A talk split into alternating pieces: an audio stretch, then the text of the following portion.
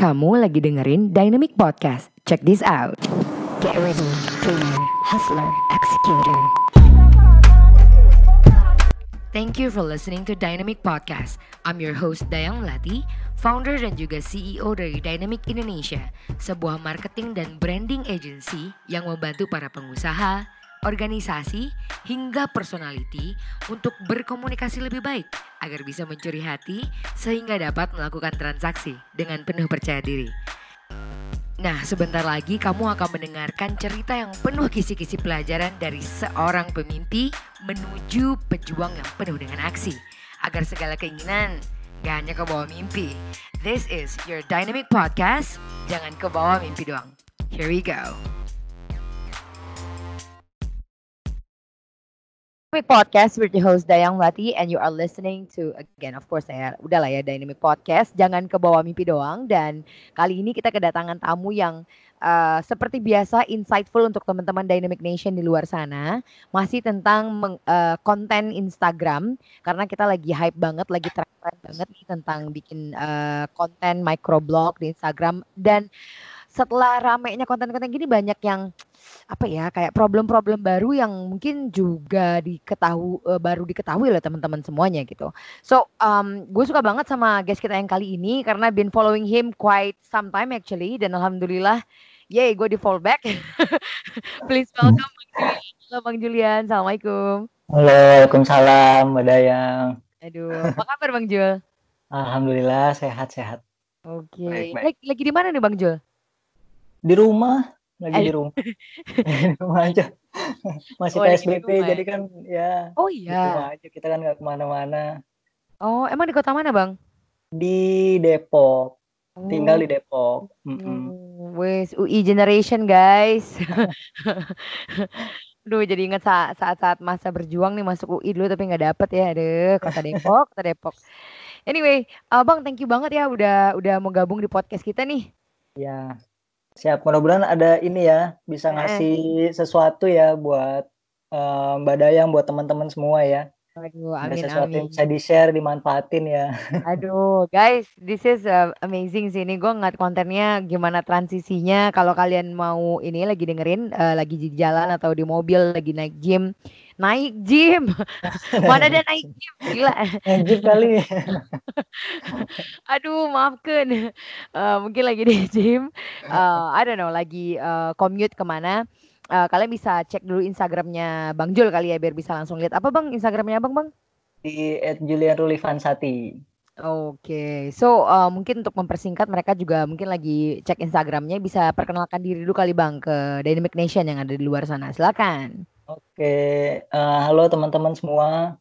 Uh, kenalin gue Julian. Gue ini sebenarnya uh, salah satu praktisi di IT ya. Fokusnya di IT database spesialis. Okay. Nah, uh, terjun di Instagram, sosial media sebenarnya. Terjun di sosial media marketing ini khususnya di Instagram itu kira-kira udah ada hampir 4-5 bulan ya fokusnya gitu. Sebelumnya oh. memang punya Instagram, cuman fokus ngembangin microblog terutama di Instagram itu baru sekitar empat bulanan. Empat gitu bulanan follower udah 19 k sekarang. Gila sih. Empat bulan. Iya. Itu sebenarnya itu sih Mbak Dayang. Jadi empat bulan itu dua bulannya yang fokus. Ah. Jadi sebenarnya sembilan belas ribu itu dua bulan. Buset. Dari tiga ratus. Gitu. Iya. Masya iya Allah, betul. Masya Allah. Itu tiga minggu sepuluh ribu waktu itu. Anjir gila gila gila tiga ri apa tiga minggu sepuluh ribu. Iya. Aduh. Topik kita kan sebenarnya ngobrolin tentang shadow band nih guys. Uh -uh. Gue jadi pengen tahu juga nih sebelum ngomongin shadow band ntar gimana lu tiga minggu sepuluh ribu bang? Anjir Jadi gini. Ah tuh. Oke, coba ngasih sedikit ini aja ya. Dulu hmm. kan awalnya ngebangun akun memang awalnya sebenarnya uh, karena gue mau beralih profesi jadi benar-benar mau nekunin IT-nya lebih ke arah sosial media dulu. Ah. Nah, terus gue nih ini buat teman-teman aja sih. Jadi ya. gue ingat mati sebenarnya kemarin itu. Hah? Karena teman-teman gue, gue gue kan spesialis di database nih. Uh -uh. Dan gue itu kerja di salah satu perbankan. Hmm. Di salah satu perbankan, gue sebagai IT database spesialis itu udah senior. Gue ngerasa 12 tahun itu gue berkecimpung di IT kayaknya kok eh, ruang lingkup gue kecil. Dibilang orang penting Heeh. kerjaan gue penting tapi nggak ada yang tahu gue penting gitu. Nah Oke. jadi ruang lingkup kecil kan. Akhirnya gue pikir ah gue mau keluar mau hijrah juga. Memang niat gue kan awalnya mau hijrah dari bank. Terus Oh, oh, oke oke oke oke awalnya mau hijrah. Itu niatan gue makanya gue jor-joran banget di istri lu ya, Bang ya? enggak juga sih.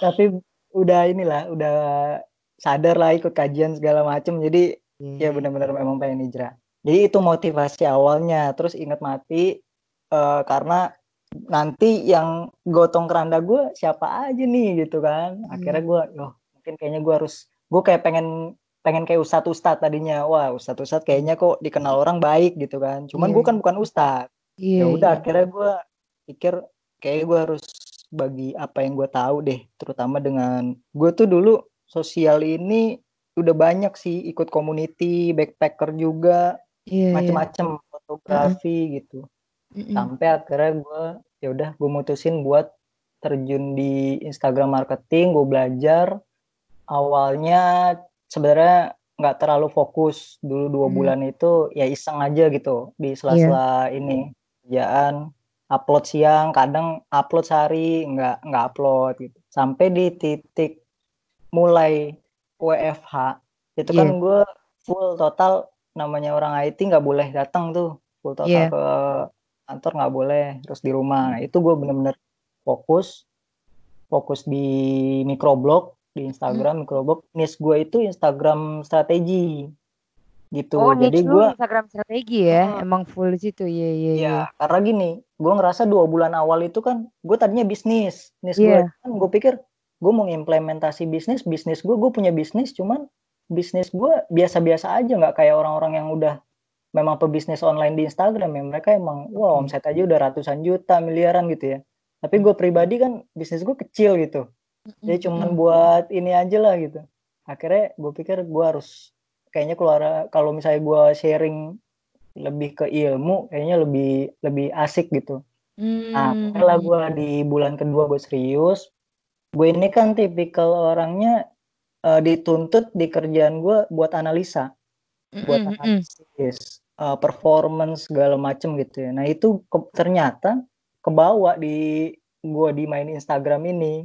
Jadi gue orangnya jadi pengen tahu nih Instagram tuh harus diapain sih, strateginya harus Mm-mm. apa gitu. Terus ngalamin berat berat dua bulan awal kok kayaknya followers segini-segini aja susah banget. Akhirnya gue cobalah eh, belajar otodidak lewat lewat YouTube sampai berjam-jam nontonin tengah malam. Terus Hmm. googling, terus baca-baca Pinterest, ikut Mm. course, ikut course gue ada ikut dua apa tiga course, beli Hmm. ebook orang luar juga gitu. Jadi benar-benar iya, diniat, iya.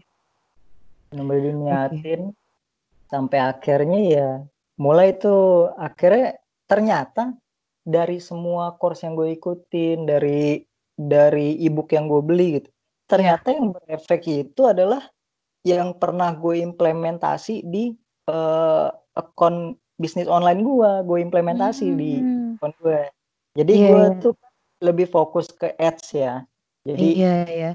Iklan. Nah, gue coba nih iseng dengan Hmm. gue masukin juga efek psikologi ya, efek psikologi. Efek psikologi apaan tuh? Nah, jadi gini, Asik. ada sebenarnya mungkin orang-orang nggak nggak nggak sadar ya.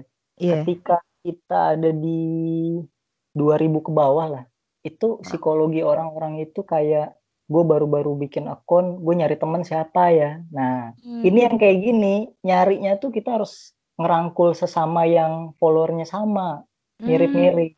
Itu cepet, engagement, lebih Oke. ke banyak interaksi ke mereka. Dengan follower yang mirip-mirip ya. Ini sesuatu Iya. yang baru. Oke. Heeh, jadi kan kita bertemannya lebih enak, nggak ada Mm. ma- rasa malu gitu kan. Kalau Iya, ke iya. follower gede kan kayaknya logikanya gini psikologinya, mereka Mm-mm. ngelihat kita masih akun kecil, nggak mungkin juga mereka akan, ya paling 30% 20% mereka mau follow kita gitu. Iya. Tapi kalau misalnya sesama gitu kan, sesama kita sama-sama berapa ratus gitu, itu perjuangannya berasa banget. Gue dulu sering banget tuh Iya. DM-DM sama mereka, sama teman-teman gue di Instagram dari awal tuh sampai sekarang masih sering tuker-tukeran informasi gitu kan. Mm-mm. curhatan juga gimana naikin akun Iya, gitu. iya, iya.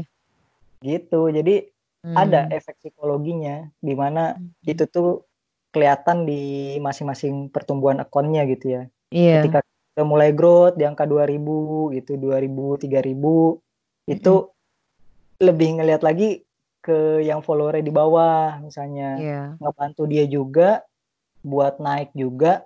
Hmm. tapi dengan kita berinteraksi sama mereka mereka pun akan kemungkinan besar ngefollow kita juga gitu. Mhm, karena mhm. kan dilihat wah akunnya udah lumayan gede nih gue follow ah gitu. Jadi emang ada sih efek psikologi itu yang harus dibaca sih. Yang namanya media sosial ya Mhm. tetap aja di dalamnya ada sosial sosialisasi juga kan gitu Iya dong, bener banget. Iya, iya, iya. Gila sih, tapi gue mau nanya deh. Lu tiga minggu bisa 10k, itu lu pakai ads juga. Tadi lu bilang kan jadi lu gini nge- ah, di awal gue 300 gue coba pakai ads itu gue pakai ads itu eh murah ya cuma 25.000 ribu sehari itu gue bisa hmm, dapat per tertarget ya karena kan gue Iya. analisa itu juga jadi benar-benar ditargetin sesuai sama nis gue target umur Iya. target kesukaannya dia interest. Itu dari 300 sampai ke 3000 nah sampai ke 3000 gue berhenti. Gue berhenti. Nah terus kebenaran ada akun besar yang notice gue Hmm. tiba-tiba gue di, di sebut aja. Iya Hmm. dipromot sama dia disebut dia kontennya. Mhm, ini mhm, boleh gue sebut gak nih orang? Boleh dong, boleh banget. Sama bang Ogut Oh udah iya. cuma sekali Iya, iya. iya Eh, gue tuh follow lu gara-gara Bang Ogut mention lu. Nah. Iya, iya, gue ingat. Iya, iya, iya. itu nah di situ heeh. ketika gue berhentiin ads pas tiba-tiba nggak nggak nggak ngerti mungkin jalan Allah juga ya Iya. gue berhentiin ads karena gue pikir aduh eh, capek juga nih kan keluar duit udah segini udahlah gue pengen coba konten gue dibagusin gitu kan karena Iya. emang target gue sebenarnya gue pakai ads itu buat bikin ebook gue gue kan Ah, emang yang gratis ini ya. Mm-mm, bikin ebook bikin e-course. Tapi fokusnya dulu ebook. Iya. jadi bikin ads ini pakai ads itu buat riset sebenarnya. Oh, buat Oke. riset biar gue di ebook gue ada nih eh, solusi buat teman-teman yang mau naikin akunnya dengan cepat pakai Hmm. ads budget murah itu gue taruh caranya di ebook gue. Gitu. Iya, tiba-tiba gue berhentiin ads gue fokus ke konten bang Ogut mention Ah. ya keangkat Oke, oke. lah gitu sekitar berapa ya gue dapet dapat rezeki di follow sama teman-teman juga nih sampai Iya, berapa ya dua ribuan ya dua ribu tiga ribu apa Di mention satu akun doang langsung nge-follow 2000 ya. Iya. Gila itu. The power of engagement ya. Iya, emang gue kan ngikut kursi Bang Ogut dan memang eh sering juga DM sama Bang Ogut minta pendapat. Iya. Gitu, minta pendapat. Itu Jadi- emang gak ada yang kebetulan ya, Bang Jul Iya. ya. Bang Jul taking Ya, nggak effort walaupun ya. eh, walaupun ini sih itu gue suka mention tuh. Gue ngerasa di hidup ini tuh nggak ada yang kebetulan gitu loh. Pasti Iya. ada pas experience atau apa pun yang ngebuat lu berada di posisi saat ini gitu. Tapi thank, thanks banget sih lu udah memvalidasi itu buat kita semua biar tetap berusaha gitu. Ya. Ya, jadi emang nggak nggak bisa nyerah. Terus yang kedua, ya memang kita sama orang namanya di sosial media harus keep positif. Iya. Nggak boleh sama sekali baperan, pikiran negatif, pakai Mhm. hati yang negatif itu nggak boleh. Apalagi sampai gue ngerasain loh di follower di bawah 1000 tuh gue ada haters yang haters notabene dia punya follower 4 ribuan Oke. ah sampai gue di DM-in Eh, eh. Beneran dia ini follower baru Bener. 4000 tapi nge nge-hate yang seribuan. Banyak Iya, sekali gua- waktunya. gue masih 400 Anjir. Padahal- Aduh. gue masih 400 gue pikir wah kenapa nih kalau gue salah apa dia gitu Iya, iya, ya iya. udahlah gue tetap positif gue tetap malah itu jadi pecutan gue ya Iya, maksudnya- iya, iya. circle-circle kayak gitu kita harus berada di orang-orang yang memang positif gitu Hmm. ya alhamdulillah sampai sekarang bisa gabung di community gitu kan di IMBC terus kenal sama yang kayak Bang Ogut lah Niko Itu komunitasnya Bang Ogut ya? Eh, Bang Bang Niko Iya. ya? Bang Ogut Bang Niko sih MBC itu? Apa kalian kalian tahu? IMBC sebenarnya gini itu Hmm. gue sama Bro Jack Bro Lu Trust sama Jack siapa? Trust Jack Jack. Heeh, Bro Jack Bro Johan Johan Alvin Bentar. Apa nama Instagramnya kok gue nggak tahu ya? Trust Jack T R U S T J A K T R A S T T R U S T trust trust Oh, Trust. ya trust Oh, Jack ini. JAK itu Iya.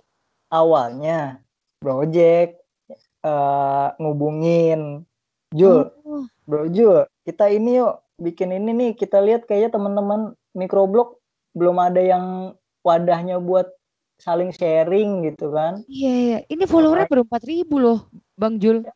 Mm-mm, dulu gue malah di bawahnya Project waktu itu. Malah gue kaget, mes banget wah kok gue diajakin Project nih. Gue pribadi ini orang hebat sih Project. Mungkin Iya, ntar iya. Mbak Dayang kepoin deh. Dia Boleh, tuh boleh nih lagi boleh. kenal sama orang-orang hebat lah kayak Ernest Prakasa segala Si macem. Trust Jack ini. Iya. Dia kan Oh. punya agensi sama lah sama Mbak Dayang. Oh, gitu. Wow, wow, wow, wow. Oke, oke. Itu AMBC dari situ. Hmm, gitu. Hmm. Jadi lu salah satu juga pencetus dari IMBC ya? Sebenarnya gue nggak mau dibilang pencetus sih. Sebenarnya gue sama Project sama sekali Iya. nggak mau dibilang pencetus. Tapi gue sama Oke. Project yang punya eh ngeinin awal ya, ngefasilitasin teman-teman. Ah, I see. Oke. Sampai This is amazing sih. ya itu. Anjir. Keren-keren banget. Oke, oke. Uh, well, this is uh, story-nya menarik sih ya, Bang ya. Tadi lu udah ngomong kayak gimana sebenarnya uh, it goes uh, lu naikin follower lu lah istilahnya gitu kan. Dan emang takes effort gitu di situ. Kalau menurut lu nih, gue sampai ngeblank lo mau nanya lu apa sebenarnya. Cuman langsung aja kali ya, gue pengen uh, ke Ya. to the point untuk untuk yang naikin si akun ini. Um, apa sih menurut lu strategi yang yang kalau seandainya lu mau ngulang lagi dari awal nih ya, mau building mungkin kan lagi lagi lagi panas ya banyak banget orang-orang tiba-tiba jadi micro micro blogger gitu di, di Instagram. Kalau menurut lu kalau lu mau ngulang lagi dari awal lu bakal ngapain sih? Oke, ini persis banget dua hari lalu gue ngisi di MBC nih soal ini. Asik. Gue suka. strategi ya. Ini tanda-tanda gue harus masuk IMDC nih kayaknya. Boleh nggak? Karena kok masuk deh. Oh Kita iya. tiap hari Kamis uh, sharing session itu yang ngisi. Ya kita bener-bener pakar-pakar lah gue bilang sih. Yang memang kayak besok nih Kamis ini ada project mau ngisi tentang branding dia. Ih, tentang brandingnya banget. dia. Dong. Ntar Jadi japri ya free. ya. free. Community dapet temen dapet nggak ada dipungut biaya apa pun. Intinya kita berkembang sama-sama buat nyari ilmu itu aja di MBC nggak ada yang lain-lain. Nggak ada paksaan apa pun Keren, itu di MBC kayak gitu Oke oke oke. Jadi gimana tuh? Coba bang. Jadi gini, sebenarnya dari awal dari nol yang perlu banget di eh, pikirin itu itu adalah goal sebenarnya. Goals ya. Awalnya goal. Jadi ada kalau gue ini kemarin itu ada tiga goalnya. Pertama itu pasti follower. Lu mau berapa banyak follower? Gitu. Itu goal pertama. Yang kedua, setelah dapat follower, dari follower ini lu mau berapa banyak dan berapa lama targetnya? Misalnya 10.000 follower dalam dua, dua bulan gitu atau dalam satu bulan. Itu target pertama. Yang kedua Oke. dari follower lu harus berpikir setelah lu punya follower lu mau ngapain? Dapat profit nggak? Hmm. karena profit adalah salah satu yang gini loh kita main di Instagram tuh harus harus berpikir jangan cuman buang waktu tapi gue punya sesuatu nih dari sini gitu Iya, setuju itu gua. terus akan membakar eh, semangat kita untuk terus eh, berkembang Hmm. itu salah satunya ya profit ya profit tuh macam-macam kalau menurut gue profit dan benefit profit tuh value nilai ya lebih ke dapat duit kayak gitu-gitu ya Iya. tapi kalau benefit sendiri circle pertemanan lu gila keren banget Iya itu ya. nggak bu gue temen temen gue banyak banget yang keren-keren ternyata setelah bertemu Uh-uh. kok gila keren banget nih itu yang ketiga lu mau pencap ini yang ketiga ini pencapaian. Pencapaian lu mau Hmm. mau ngapain setelah itu tercapai follower? Udah banyak. Duit udah punya. Lu mau ngapain? Gitu. Gue Mm, perhatiin fenomenanya. Orang yang udah berkembang duit udah banyak banget udah kaya lah dapat dari situ. Dari apa usahanya berkembang gara-gara itu ya. Dia Hmm. mulai sosial ke arah agama Hmm. dideketin banyak sedekah itu kan tujuan akhir adalah ngebantu orang lain juga kan Iya. itu sih itu yang tiga hal yang kemarin gue sampein itu harus ada goal gitu Wah, oke. yang kedua eh, setelah goal itu nis banyak yang nggak tahu nis itu apa Hmm, mm-mm. Bener Mungkin banget tuh. dari mass market ya. Mass market Mm-mm. itu kan pasar besarnya. Contoh Mm-mm. kayak misalnya lu main di segmen bisnis gitu ya. Bisnis itu kan mass marketnya, Mm-mm. ya kan? Nah, eh, niche-nya boleh nih eh, sharing tentang kayak bisnis di Instagram, Iya. terus bisnis di mana kayak misalnya bisnis offline kayak gimana manajemennya segala macem. Jadi Hmm. ada turunan terkecilnya gitu. Iya. Mm-mm. Itu ada pasar kecil yang Mbak Dayang pasti tahu lah, gitu Hmm. kan? Ya bener-bener niche banget. Ini gue maaf ya bang agak motong dikit nih. Sebenarnya ini em, mungkin problem yang jadi eh, brain lizard ya kayak orang-orang tuh kayak sometimes tuh bingung gitu kayak gimana sih gue nentuin niche gue gitu. Kalau sebelum abang masuk ke segmen berikutnya boleh nggak bang sedikit aja kayak tiga tips buat nentuin niche nya. Tadi lu ngomong something yang bagus banget tuh menurut gue. Buat nentuin niche. ya Buat nentuin niche itu sebenarnya kita punya eh, gini. Kalau gue cuman pakai dua hal doang ya, apa tuh? eh, passion, Mhm. keahlian, passion dan Ya. keahlian. Mhm. Kita harus lihat. eh lu punya passion. Kayak gue nih, eh, passion gue sebenarnya kebawa dari pekerjaan ya. Gue suka analisa, orangnya seneng banget nganalisa gitu kan. Iya. Terus gue eh pengen ahli di suatu bidang gitu misalnya. Atau dari passion doang nih gue analisa, gue mau analisa apa ya gitu. Tapi ternyata yang gue analisa sesuatu hal yang baru. Berarti kan gue harus belajar kan. Gitu kan. Berarti gue harus ngambil keahlian dari situ. Itu Iya. dulu. Hmm. Ya kan. Kecuali kalau misalnya passion gue ternyata berubah sama keahlian yang udah gue punya. Jadi boleh keahlian yang udah punya, boleh keahlian yang baru mau lo cari gitu. Hmm, hmm. Gitu Oke. dari passion ini, dari keahlian ini, temuin masalah orang apa, masalah diri Hmm. dulu sendiri deh. Kayak Yep. gue nih, gue mau ngembangin akun. Kenapa gue Instagram strategi, fokus ke Mm-mm. strategi? Karena gue ngerasa problem gue di awal, gue bingung ngembangin akun dari awal tuh gimana sih? Itu masalah, problem. Dan ya pasti yang ngalamin itu bukan cuman gue. Hmm. Iya, Banyak. betul. Semua orang yang mulai dari apa memulai Instagram pasti punya masalah itu Mm-mm. ya kan? Nah, di situ ada dua hal yang bersinggungan. Gua harus nyari strateginya, keahliannya harus gue pelajarin. Mm-mm. Di satu sisi ada people problem nih. Dia nggak bisa Hmm. ngembangin. Di situlah nis gue terbentuk konten-konten gue di irisannya. Gue harus Oke. ngasih nih sesuatu yang udah pernah gue alamin dan gue ketemu caranya. Gue harus share sama orang. Iya. Tuh, Hmm. mengatasi masalah mereka lah. Gitu sih iya, iya. sebenarnya gitu. Santai banget sih lu ngomongin. Oke, sip. Oke. Sorry ya guys, tadi gue cut dulu karena ini penting banget nih karena sometimes gue pribadi ini nggak works ganti lagi niche-nya gitu kan. But Ya. anyway, kita lanjut lagi Bang. Jadi tiga hal tadi yang untuk eh, untuk akun pemula yang lakukan adalah pertama menentukan goals ya tadi ya. Terus yang kedua apa Bang? Nis, kita harus nis. Tentuin niche. Oke ya. Berarti udah di summarize tadi ya yang lu omongin ya. Terus yang ketiga apa tuh Bang? Yang ketiga, nah setelah dari goal terus niche, sebenarnya nggak tiga loh banyak loh. Dari Oh, oke, goal boleh, boleh, niche, boleh. nah baru deh optimize. Gue biasanya minta anak teman-teman itu sebelum lari-lari bikin konten segala macem, optimize dulu profilnya. Kan udah tahu nih goalnya apa, niche udah tahu, Mm-mm. ya kan? Nah di optimize profile. Pertama profile picture, yang jelas Hmm. kalau branding logo, Mm-mm. kalau ngomongin personal branding itu ya kalau bisa muka nih wajah biar orang Iya. kenal lu siapa gitu kan. Terus kalau Mm-mm. bisa backgroundnya itu eh, yang polos, yang eye catching polos. Jangan menyamarkan fokus orang. Misalnya nih Hmm. kita foto dekat kembang-kembang, kembang-kembangnya warna colok gitu. Orang lihat foto kita jadi kabur gitu. Nah, Hmm. terus jangan di tempat keramaian. Itu ngelihat kita kelihatannya jadi dia fokusnya nggak ke ke kitanya, Mm-mm. backgroundnya malah gitu. Jangan. Lebih Oke. baik sesuatu bikin foto profile tuh yang personal branding ya. Itu lebih ke eh, kita profile muka kita Hmm. gitu ya. Mm-mm. orang tahu "Oh, ini Bang Julian tuh kayak gini ya gitu. Mm-mm.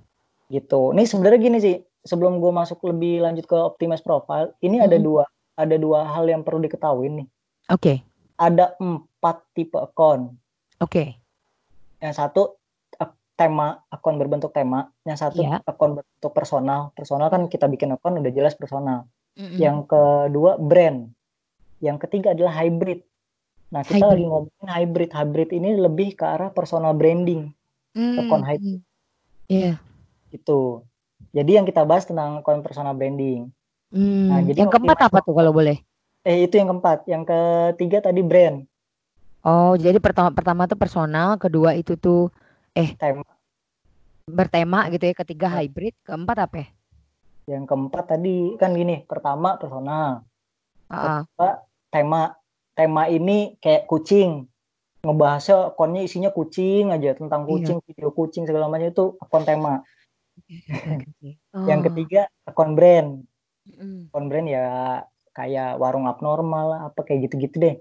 Terus yang keempat baru deh ke hybrid. Hybrid ini biasanya teman-teman semua, termasuk Mbak Dayang nih, Hmm. kalau misalnya nge udah ngebawain dynamic gitu ya. Dynamic Iya. ini kan eh, agensi ya. Itu Mm-mm. akunnya Mbak Dayang itu sebenarnya udah akun hybrid Hmm, bisnis yang dimasukin. Jadi iya iya. kan antara personal dengan brand.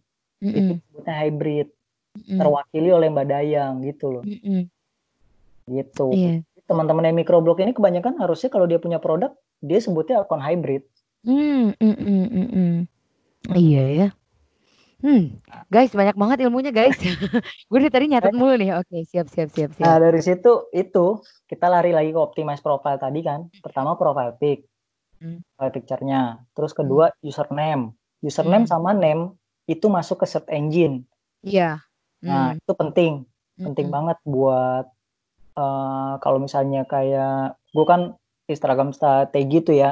Kenapa gue masukin di name? Biar orang nyari tentang Instagram, kita ada kemungkinan buat nongol. gitu. Hmm. Iya iya betul. tuh username sama name terus ada eh, kategori ya kan ada tuh yang tulisan entrepreneur lah digital creator nggak nggak mbak yang ada kategorinya itu Iya betul. Mm-mm. nah itu sebenarnya fungsinya kalau menurut gue lebih ngehemat bio aja sih bio kan cuma 150 karakter Iya. ya kan jadi gue nggak perlu menjelaskan kalau gue ini seorang entrepreneur lagi di bio Hmm, karena udah terklasifikasi ya. Ya. diwakili dengan kategori itu Mm-mm. Udah Oke. terus ke bio sama ke website link. Website link kan kita bisa optimize untuk ke akun jualan gitu kan atau ke Mm-mm. bisnis gitu kan. Iya. Dilatih ke website gitu. Nah, terus yang highlight. Iya. Highlight juga penting juga. Mm. Eh, kalau orang punya produk kan dia bisa jualan di highlight gitu. Mm-mm. Highlight informasi-informasi bisa taruh di highlight gitu. Mm-mm. Sama dengan personal branding juga bisa berbentuk Q&A, apa Q&A gitu. Mm-mm. terus produk-produk kita secara pribadi kayak ibu kita launching buku gitu kita punya course bisa ditaruh di situ jadi sebenarnya itu lebih kalau di personal branding ke hybrid ya akun hybrid itu lebih ningkatin trust sih Hmm. lebih ke trust Iya gitu. iya iya. Menarik Gitu. sih nih. Gila itu gila. gila. optimize profile jadi yang pertama tadi goal Goals, kedua niche niche, ya kan ketiga. tiga eh, optimize ya optimize Optimize. profile masuknya Mm-mm. gitu baru kita ke konten konten Hmm. di awal usahain sebelum ngelakuin eh, sebelum ngarepin banget follower banyak konten dulu minimal 12 sampai 15 konten Iya iya iya iya. kenapa ketika kita engage sama orang interaksi Mm-mm. komen like di tempat orang terus orang itu kepo pengen tahu Mm-mm. akun kita dia lihat wih akunnya kontennya udah banyak nih udah 12 sampai 15 gitu kan. Dia scroll bisa scroll dikit gitu kan. Iya. ibaratnya oh keren juga nih isinya gitu kan. Konten apalagi kalau konten-kontennya bagus gitu kan. Iya. keren juga nih akhirnya dia ngefollow. Itu faktor utama. Jadi selalu gue tekenin kalau buat akun baru usahain optimize dulu profile terus sama kontennya dibikin 12 sampai 15 dulu minimal gitu. Iya iya. Oke. Di bio Hmm. juga ya di bio itu ada empat hal yang perlu dicantumin Oke, ketiga. wow. Mhm, Di Apa aja tuh? empat hal yang perlu dioptimize di bio itu Mhm. yang satu hmm, bagaimana apa yang satu itu apa apa yang lo lakuin Mhm. di situ di bio, di Instagram lo apa kita harus sebutin kayak misalnya gue gue sharing tentang Instagram knowledge gitu kan itu Mhm. apa yang gue lakukan terus harus menjawab bagaimana bagaimana gue melakukannya ya dengan gue daily eh, daily drop knowledge-nya gitu setiap hari gue Hmm. akan upload ilmunya gitu upload kontennya Iya iya. yang ketiga eh, Yang ketiga ini lebih ke kayak min, nyuruh engagement ya, kayak Heeh. DM gue dong gitu. Kalau misalnya atau Iya. Bisa DM gue buat konsultasi kayak gitu. Itu lebih ngundang interaksi. Ah, oke. baru CTA. CTA ini bisa call to action ya. Call to action Heeh, ini bisa heeh. ngarahin orang buat eh, kayak misalnya lu mau free ebook, Heeh. klik link di bawah gitu, kayak gitu-gitu. Jadi harus Heeh. punya empat hal ini kalau menurut gua kalau di bio. Ini salah satu buat Hmm. optimize, Mm-mm. mengoptimize profile. Gitu. Jadi banyak dari situ aja, dari profile aja udah banyak yang harus di harus dioptimize. Dan itu bio, itu kita bisa tes loh. Karena itu ngekonversi ke follower. Jadi orang datang kalau lihat bionya bagus, bisa jadi nge-follow, bisa jadi enggak. Hmm. Tuh. Oke, oke, oke. Ini berpengaruh sekali ya ternyata ya dari bio aja ya. Iya, itu bisa di-riset Oke. loh, Mbak. Mm-mm. Kita ganti nih bio, terus kita Mm-mm. lihat, eh, kita kalkulasi pertumbuhannya. Misalnya Mm-mm. ternyata dengan gue ganti bio kayak gini nih, kita lihat dalam waktu dua minggu misalnya ya, Mm-mm. pertumbuhan followernya kayak gimana, terus Mm-mm. hitsnya kayak gimana, profile visitnya kayak gimana, terus kita ganti lagi di dua minggu berikutnya. Itu bisa Mm. keukur bio mana yang bagus, Hmm. konversi ke follower. Jadi sampai kayak gitu loh risetnya. Mm-mm. Berarti Bang Bang Jul udah riset nih Gue gitu. be- berkali-kali rubah. berkali-kali karena Iya. butuh butuh buat nauin oh konversinya begini ya jadi Heeh. ketahuan nih dengan gua ngerubah kayak gini lebih banyak follower meningkat gitu kan profile visit juga dari profile visit kelihatan kan jumlah Heeh. followernya bertumbuhnya dalam dua minggu berapa gitu jadi kayak gitu Heeh. gitu gitu walaupun Mm-mm. semakin gede akun trust juga semakin gede orang yang akun-akun yang di bawahnya pasti ada kemungkinan lebih lebih mau untuk ngefollow ya walaupun kayak Iya, gitu iya. ya gitu itu juga nggak memungkiri juga sih Hmm. gitu Oke, itu oke, dari oke. tips profile doang Mm-mm. Wow, gila gila gila. Ini ini ini ini it's it's it's been really crazy right now dan dan dan gue literally em, apa ya kayaknya pengen study case dulu nih Bang karena mungkin eh, teman-teman Dynamic Nation nih juga banyak yang baru-baru dan juga mungkin ngalamin hal yang sama nih. Kalau to be honest kita angkat eh, Dynamic Indonesia lah sebagai sebagai contohnya gitu kan. Karena jujur kita juga lagi struggling gitu istilahnya. Kalau Hmm. apakah karena kita fokus ke klien gitu kan ataukah dan dan aku tuh nggak mau apa sih namanya nggak mau apa ya karena kita agency gitu kan terus yang kayak em, kebanyakan fokus kita tuh banyak ngefo- eh, beralasan bahwa pengen eh, klien nih yang pertama gitu kan dibandingin kita gitu. Cuman Iya. pas aku testing juga karena klien banyak make yang eh, yang penting ada konten yang penting ada apa namanya ads dan it's fine gitu. Tapi kalau seandainya nih kalau menurut bang bang bang Jul gitu kan di dynamic akun dynamic Indonesia sendiri kan sebenarnya akun hybrid kan berarti ya tadi ya dynamic kalau dynamic Indonesia-nya sebenarnya lebih ke brand brand berarti. ya brand ya berarti ya. Kalau Oh, yang aku yang tadi yang yang hybrid ya berarti ya. badayangnya yang hybrid oke. gitu. Nah kalau brand ini nih bang eh, menurut bang ini sendiri deh bang Jul sendiri deh. Kita Ah, kan udah ngepost hampir hampir tiap hari nih story aktif komen-komen iya gitu. Tapi kok kok susah banget ya oke kayaknya ya. Kebetulan kebetulan. Dulu waktu gue bangun awal gue punya bertigaan tuh ada temen gue salah satunya adalah agency. Oh oke nah oke. ternyata awalnya agency ini di atas kita di atas gue berdua yang lain nih. Iya heeh. tuh tahu taunya ya gue pakai strategi gue tadi ya ada implementasi ads segala macem. Akhirnya gue Hmm, melesat nih lewat sampai berapa ribu bedanya gitu. Iya. Nah akhirnya dia tanya ini kan agensi sama nih. Akhirnya oke. dia tanya ya udah karena dia tanya ya gue kasih tahu caranya. Eh, ada dia gue minta lu implementasi ads tapi caranya begini begini begini. Ah. akhirnya diimplementasi ya. Alhamdulillah eh, melesat abis itu. Ya lumayan lah maksudnya nggak stuck stuck banget dan dia nggak capek. Karena gini problemnya adalah eh, orang di awal harus engage. Mm-mm, ya kan? engage ya. itu takes time. Apalagi kalau ngelakuin kayak strategi 502 lah yang Mm-mm. Dua apa like comment di 50 orang setiap hari. Iya itu iya. capek tapi efektif.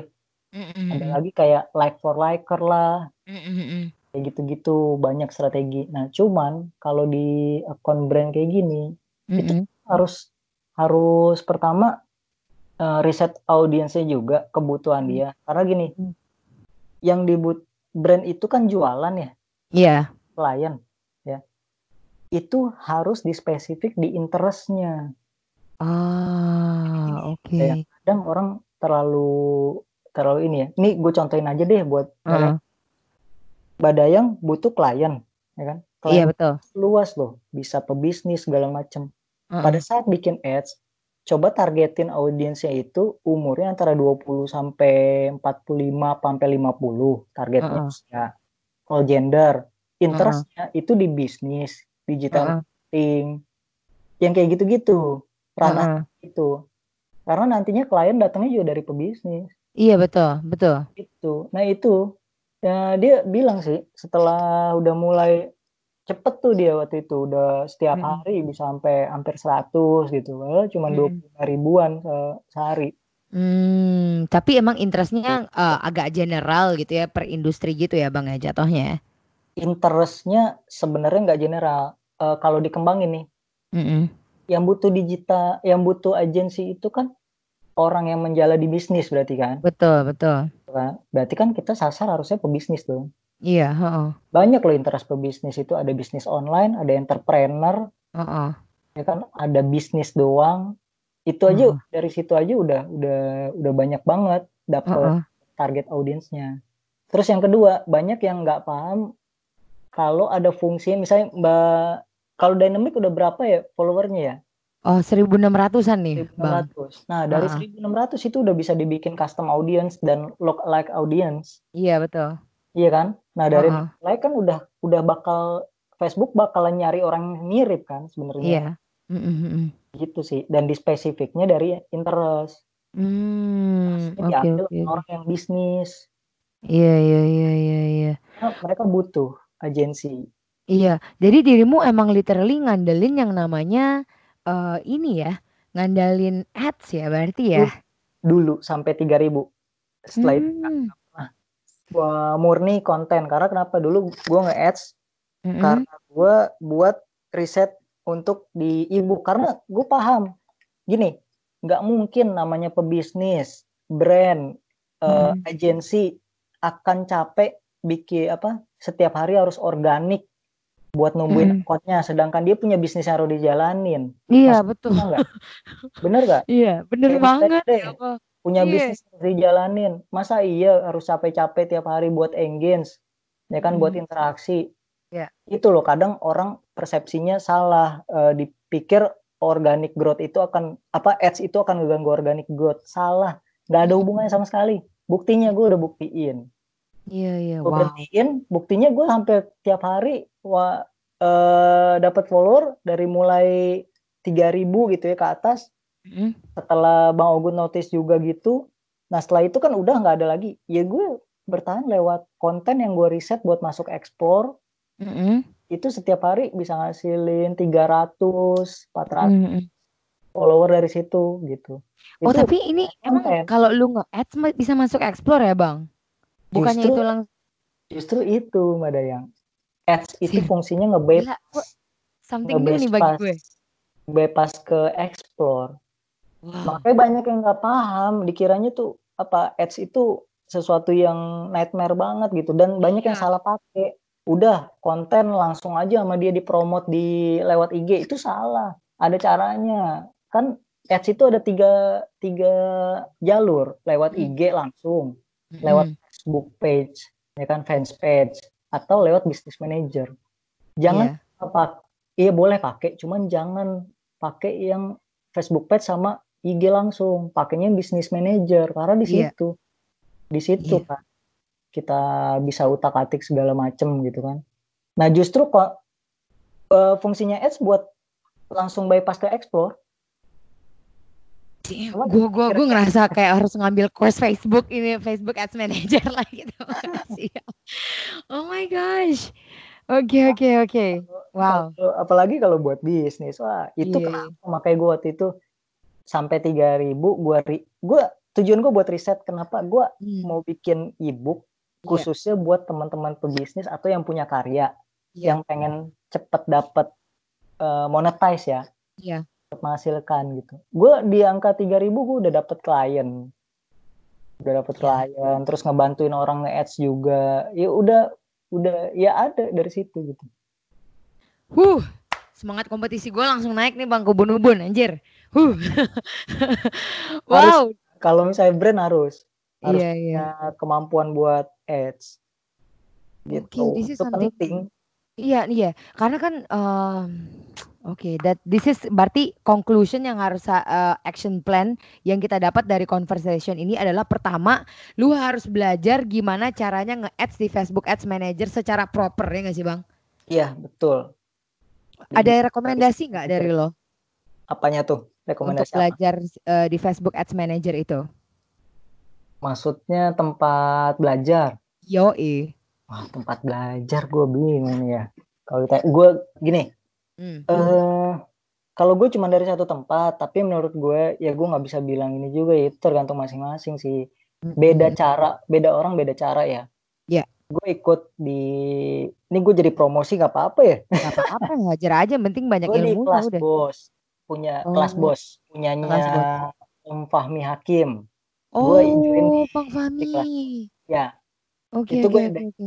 udah lama. Cuman metode pembelajaran dia Heeh. untuk yang dia gue ngambilnya bukan yang khusus ads bos ya kalau ads bos Heeh. mungkin intensif dan harganya juga lebih mahal Iya. tapi kalau misalnya gue, gue ngambilnya yang biasa yang all in sampai ke landing page segala macem itu Mm, lebih mm, itu gue eh, materinya setiap hari dia email jadi dia mm. target dalam waktu dua bulan apa tiga bulan gitu jadi tuh materi nggak full langsung dikir dikasih gitu Iya, iya, iya. kebanyakan orang kalau udah dikasih banyak banyak mungkin konsepnya Om Fahmi ini begitu kebanyakan orang kalau udah dikasih full course dia kerjanya Hmm. lompat-lompat Iya, iya, iya, iya. itu yang gue tangkap sih oh ya akhirnya gue belajar dari situ juga dan dan pengalaman dari yang lain juga ya dari sebelum gue ikut course kan gue pengalaman di itu utak atik otodidak sendiri ya Iya, iya, iya, iya. Lu nyari juga ya di lain ya.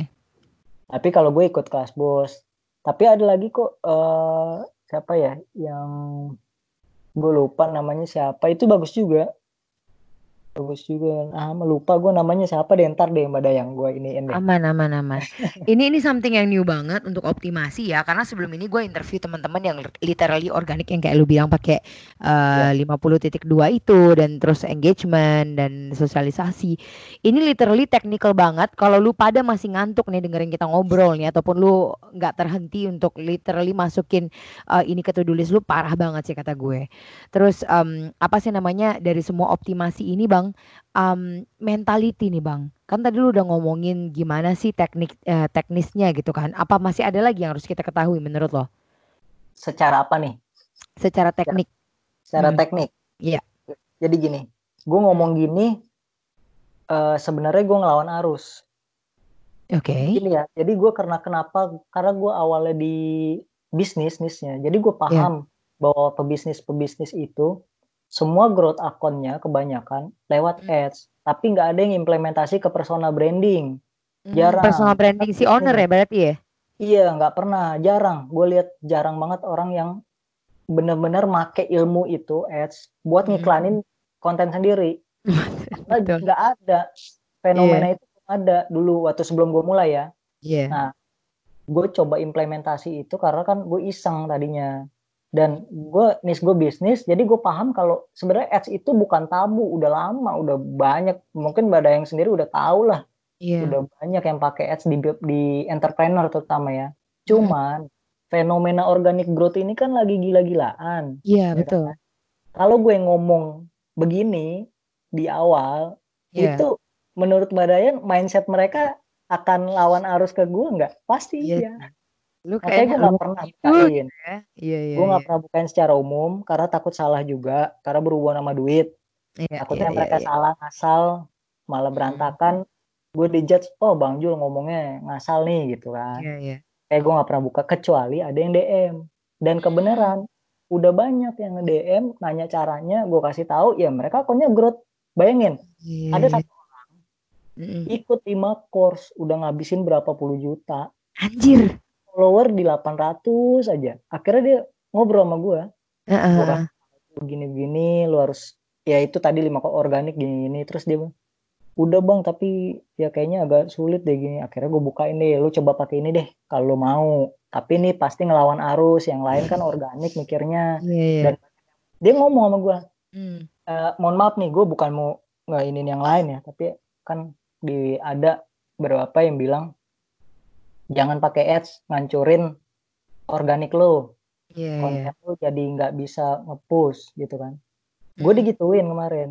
Iya. sama kan kata si ini begini begini gini bang nggak Mm-mm. bisa organic growth malah ngancur apa ads malah ngancurin organik bro Hmm. enggak nggak ada hubungannya malah. Nggak bersinggungan sama sekali. Gue bilang gitu. Dan itu udah gue buktiin. Buktinya gue setelah 3000 konten gue masuk explore gila-gilaan. Sampai ratusan ribu ratusan ribu kan Anjir. Ada hubungannya gitu sama Mhm. konten yang kita upload cara-cara kita secara organik tuh nggak ada hubungannya sama Mm-mm. Ka- karena yang salah orang konten gue gue iklanin itu yang salah gitu bukan gitu caranya Iya, kita harus iya, bikin iya. ads kreatif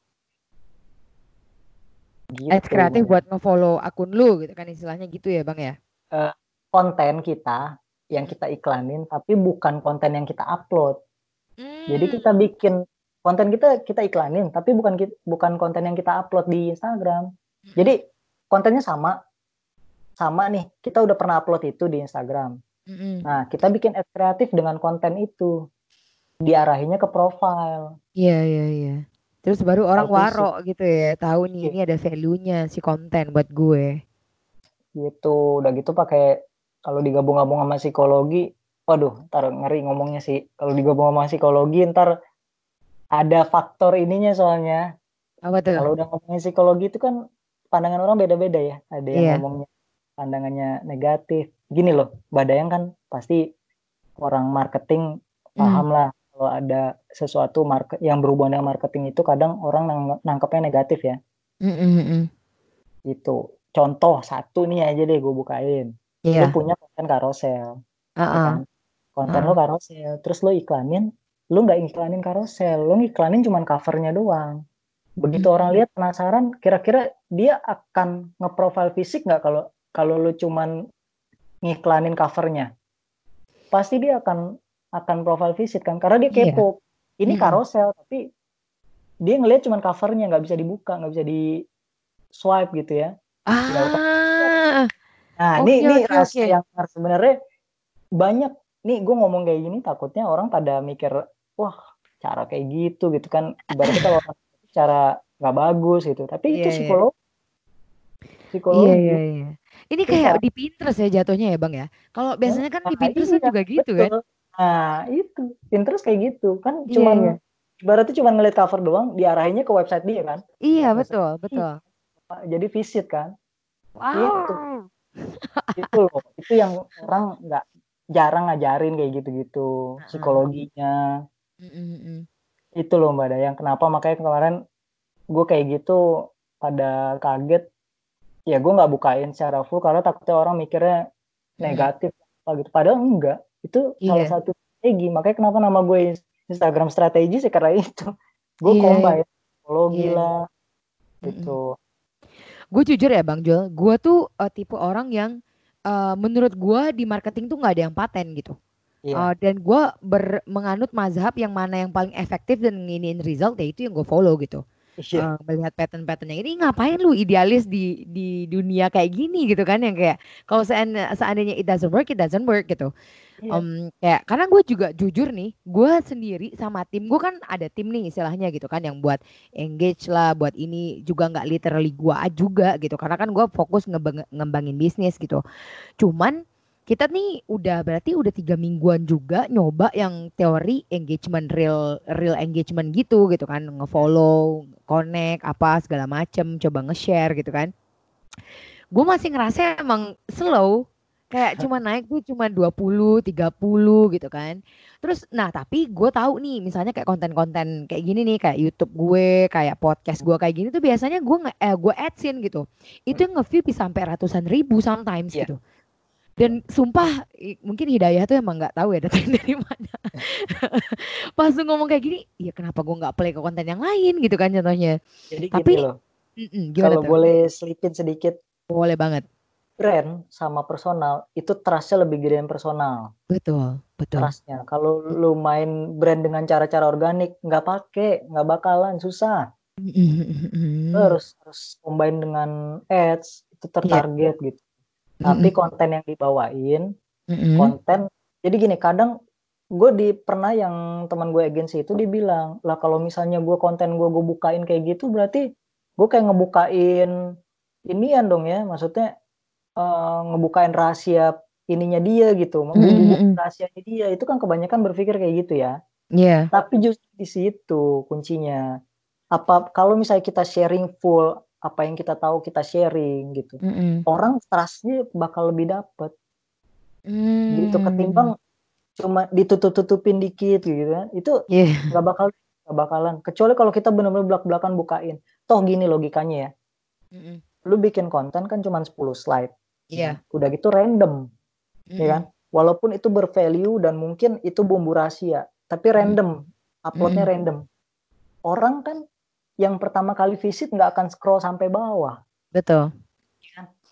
pertama Mm. kali follower baru juga nggak akan scroll sampai bawah gitu jadi tetap akan ada kebutuhan dia buat entah join di course Mm. kita atau entah entah kalau pebisnis make begitu lihat wih kontennya bervalue nih oke Mhm. deh dia gue pengen pakai jasa dia jadi dari ini deh jadi Mm-mm. agensi itu kenyataannya gitu gue bilang sama dia lu salah kalau berpikiran nggak lu bukain kayak gitu malah orang Hmm. jadi jadi nggak percaya Iya iya, gue Gitu. juga sama sih. Gue sependapat sama lu. Gue nggak yang karena you can always uh, you can always steal the idea, tapi you never can steal the execution gitu kan. Gue santuy aja mah kalau gitu-gitu. benar itu gue setuju banget pada yang jadi Bener-bener. gue mau kayak kemarin gue isi isi ini kan di IMBC Mm-mm. gue bukain Semuanya itu malah kalau nggak bakal cukup deh waktunya gitu. Sampai Mm-mm. dua jam lewat mereka aja sampai kaget. Wah tahu-tahu sampai Oh, gue nggak minum sama sekali. Ngomong nggak minum sama sekali. Itu cuman 10 slide dua jam setengah. Itu juga udah gue dikit di apa mau gue masukin lagi tadinya. Mau lebih dari itu gue pikir kedikitan gitu. Karena semakin banyak value yang dikasih mereka terasa juga jadi gede juga ke kita gitu. Dan alhamdulillah nih Mm-mm. ternyata begitu gue lihat-lihat fenomena abis itu oh mereka ada yang posting dengan kon- konten apa dengan yang gue sajikan kemarin gitu. Ilmunya dipakai buat bikin konten mereka juga. Gue seneng. Senengnya berarti apa yang gue sampaikan sama mereka diserap dicatat dan mereka bikin konten dari situ berarti mereka eh, percaya bahwa apa yang gue sampaikan adalah benar. Hmm. trust Iya iya iya iya. Dan seperti menu- menurut research karena kita sama-sama, gue juga uh, die hard fans data gitu kan. Hmm. Kata Stanford kan orang itu melakukan transaksi dengan orang-orang yang mereka percaya gitu Ya. ya nggak sih? betul betul Gila. itu kaum milenial sekarang ini beli Aduh. sesuatu bukan karena suka sama barangnya tapi karena siapa yang siapa yang pakai tuh barang Iya iya gila gila gila bang ya Allah nih gue harus ada konsultasi after nih gila guys. Gue hoki banget malam ini. Thank you ya Lemon ya udah ngundang Bang Jul ya Mon. Gila lu. Revolutionize banget. Panjang kalau mau diomongin panjang banget nih ceritanya Iya emang emang. Ini tadi kita baru ngomongin tentang optimasi Instagram nih. Ntar gue kena marah nih sama Lemon nih sebenarnya karena udah udah lumayan beda, durasi kan. beda jalur ya iya. Tadi tuh kita mau ngomongin tentang uh, uh, uh, Bennett ya, Bennett account tuh kayak gimana nih segala macam gitu. Karena kan lu juga kalau lu pada cek uh, apa namanya Instagramnya Bang Jo kan ada itu kayak band uh, uh, uh, tracker gitu kan. So tapi ini jujur gua tangan gue udah gatel buat rasanya implementasi gitu. Kalau kalian UMKM di luar sana dari Magnesian ini kebanyakan uh, listener gue tuh gitu bang. Uh, mereka tuh biasanya tuh uh, startup founder yang masih baru, terus kayak business owner yang juga masih baru middle middle middle lah istilahnya gitu kan para listener podcast gitu. Dan juga ada personal branding karena di Dynamic Indonesia kan uh, kita juga beberapa ngurusin personal branding gitu kan. Iya. And and there are so many things that we want to implement dari setelah ngobrol dengan lu nih. Asik banget sumpah. Tapi lu emang by the way kalau seandainya nih sebelum kita tutup nih gila sih ya karena kenapa sih waktunya harus satu jam gila. Nanti kita bakal Tadi sambung di part kedua ya. sama si Lemon ya Gue Iya, ngomong lu sado sedo band mau ngomongin sedo band nih serius gue bilang Terus tadi itu kecil banget malah yang gue pengen ngomongin tuh yang kayak gini-gini Iya, bener bener bener bener. Strategik lah, kita ngomongin strategi kalau mau Iya iya iya. Mon, nih nih Lemon yang edit nih Bang tuh, dengerin lu Mon. Iya. Aduh, mantep banget. Eh Bang Jul, eh, ini teman-teman kita yang em, tadi kan kita istilahnya berarti kan ngomongin optimasi ya, Iya. optimasi yang luar biasa gitu kan. Kalau menurut lu nih, tiga hal yang harus mereka lakuin setelah selesai dengerin podcast ini nih, apa menurut lo? Pertama basic, basic optimize dulu yang tadi gue bilang. Lo harus balikin lagi goal lo apa, lo lihat lagi niche lo udah bener belum, Iya. udah spesifik belum. Hmm. Terus profile, itu lo harus gojlok dulu. Profile highlight, highlight lo juga minimal 4 apa 5 pakai cover. Iya. Bikin semenarik mungkin. Di bio harus bikin gue kalau misalnya gue sampai visit profile lo, gue mau tahu gue dapat value apa dari lo, apa yang lo share gitu. Dan gimana Berarti caranya lo gagal ya? ngasih sesuatu. Berarti optimasi bionya gagal ya? Iya. harus harus mengoptimize bio lo itu yang pertama dan itu yang paling selalu gue tekenin itu yang pertama yang kedua konten is king tetap Hmm. konten is king konten yang bervalue itu berpotensi di save terutama kalau misalnya lo ngasih poin-poin di dalam uh, 10 slide itu gitu ya lo kasih po- poin-poin yang kira-kira gini. Gue baca ini pertama ada triknya. Harus punya value bermanfaat ya kan? Iya. kedua triknya. Kebanyakan orang bilang jangan kebanyakan teks. Kalau menurut gua teksnya agak banyakin dikit tapi jangan yang banyak banget. Kenapa? Iya. itu membuat orang ini psikologi lagi nih ngomong. Membuat orang aduh kayaknya nih gua nggak sempet kayaknya mesti gua ulang-ulang nih baca gue save dulu deh dengan Hmm. dengan dengan konten yang di save konten yang di save itu berpotensi besar untuk masuk explore Ah, oke oke. ya kenapa konten-konten gue gue selalu kasih value yang pecah-pecah gitu ya tiap slide iya. karena Mm-mm. orang butuh gue butuh mereka nge-save itu penting banget karena di situlah poin gue bisa masuk explore Hmm. gitu itu Oke. dari konten terus Mm-mm. optimize konten ketika konten itu diposting satu jam Mm. pertama menjadi penting untuk engagement engagement sama follower kita Iya. selama satu jam 20 menit lah 20 menit sebelum diposting sampai Mm. satu jam setelah diposting itu Mm. kerjaan lu lu nge-like sama komen di follower lu di konten-konten follower lu Iya. kenapa itu yang bikin ketika konten lu diposting mereka balik ya kan mereka ngasih engagement ke konten lu dalam satu jam pertama itu bikin cepet juga masuk explore terutama Hmm. kontennya banyak di save Iya iya iya iya iya. Tuh. Wah. Bang lu buka kelas gak sih? Sumpah gue pengen ikutan kelas lu anjir. kelas on progress sih on progress oke. lagi digodok Sumpah ini off the record ya Lemon. Eh, ini gue pengen deh kolaborasi sama lu buat yang hal kayak gini nih sambil kita belajar gitu kan. Um, or maybe we can have another podcast. Tapi gue pengen kalau seandainya memang lu lagi bikin kelas, gue gua ini deh jadikan gue muridmu deh gila sumpah. Beneran gue ini miss banget buat gue to be very honest gitu. Oke, eh, open lagi recordnya. Terus apalagi bang?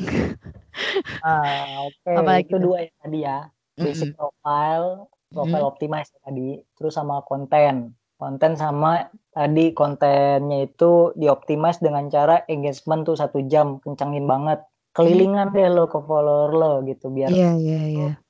engage di konten lo itu kedua nah Iya. yang ketiga kebanyakan eh, sebenarnya ini masih masuk kedua di kebanyakan orang mikir hashtag hashtag gitu ya Iya iya. mikirin hashtag kebangetan gitu padahal Iya. yang nggak nggak terlalu penting hashtag itu yang itu justru explore konten yang bisa di save karena kenapa Wah, lu ngomong kayak gini. untung-untung.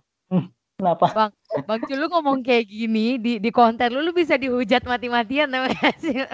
wah ada. Gue ada posting kok. Gue ada konten gue yang itu itu masuk konten gue yang itu meledak tuh. Gue judulnya eh, mikirin hashtag sampai meluka, melupakan explore. Itu ada. Itu meledak tuh kontennya. Itu pertama kali konten gue yang meledak. Kenapa?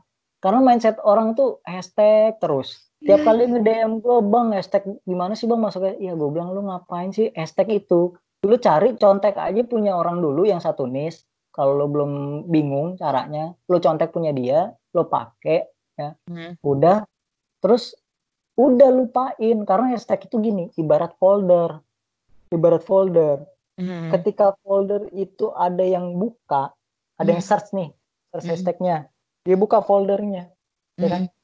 Di folder itu kan banyak konten. Iya iya iya. Di konten di banyak konten ini juga belum tentu konten lo ketemu. Jadi untung-untungannya benar-benar gila-gilaan Iya untung-untungannya. iya benar. Sedangkan kalau explore, gue kemarin ngomong gini, Hmm. eh, explore tuh masih sesuatu yang bisa kita kontrol. Ada yang ada yang langsung gini, hah yakin lo explore bisa dikontrol? Oke, explore itu sesuatu yang hampir bisa dikontrol. Kenapa? Oke. Lu cukup bikin konten yang berpikir ini konten pasti orang mau nge-save. Hmm. Itu udah sesuatu yang bisa lo kontrol dengan lo membuat konten yang bisa di-save gitu, yang benar-benar itu ada triknya dari mulai Mhm. Eh, tadi teks ya kan bikin Iya. orang ini terus save itu ada yang image-nya bagus ada yang value-nya benar-benar banyak Hmm. ada yang berupa tutorial Iya. gitu itu Tapi kalau menurut lu nih last question before kita ending nih, em, apa sih kalau menurut lu eh, konten yang didesain secara bagus itu ngaruh nggak sih bang? Ngaruh banget nggak sih? Prioritas pertama nggak sih itu? Eh, desain ya Iya.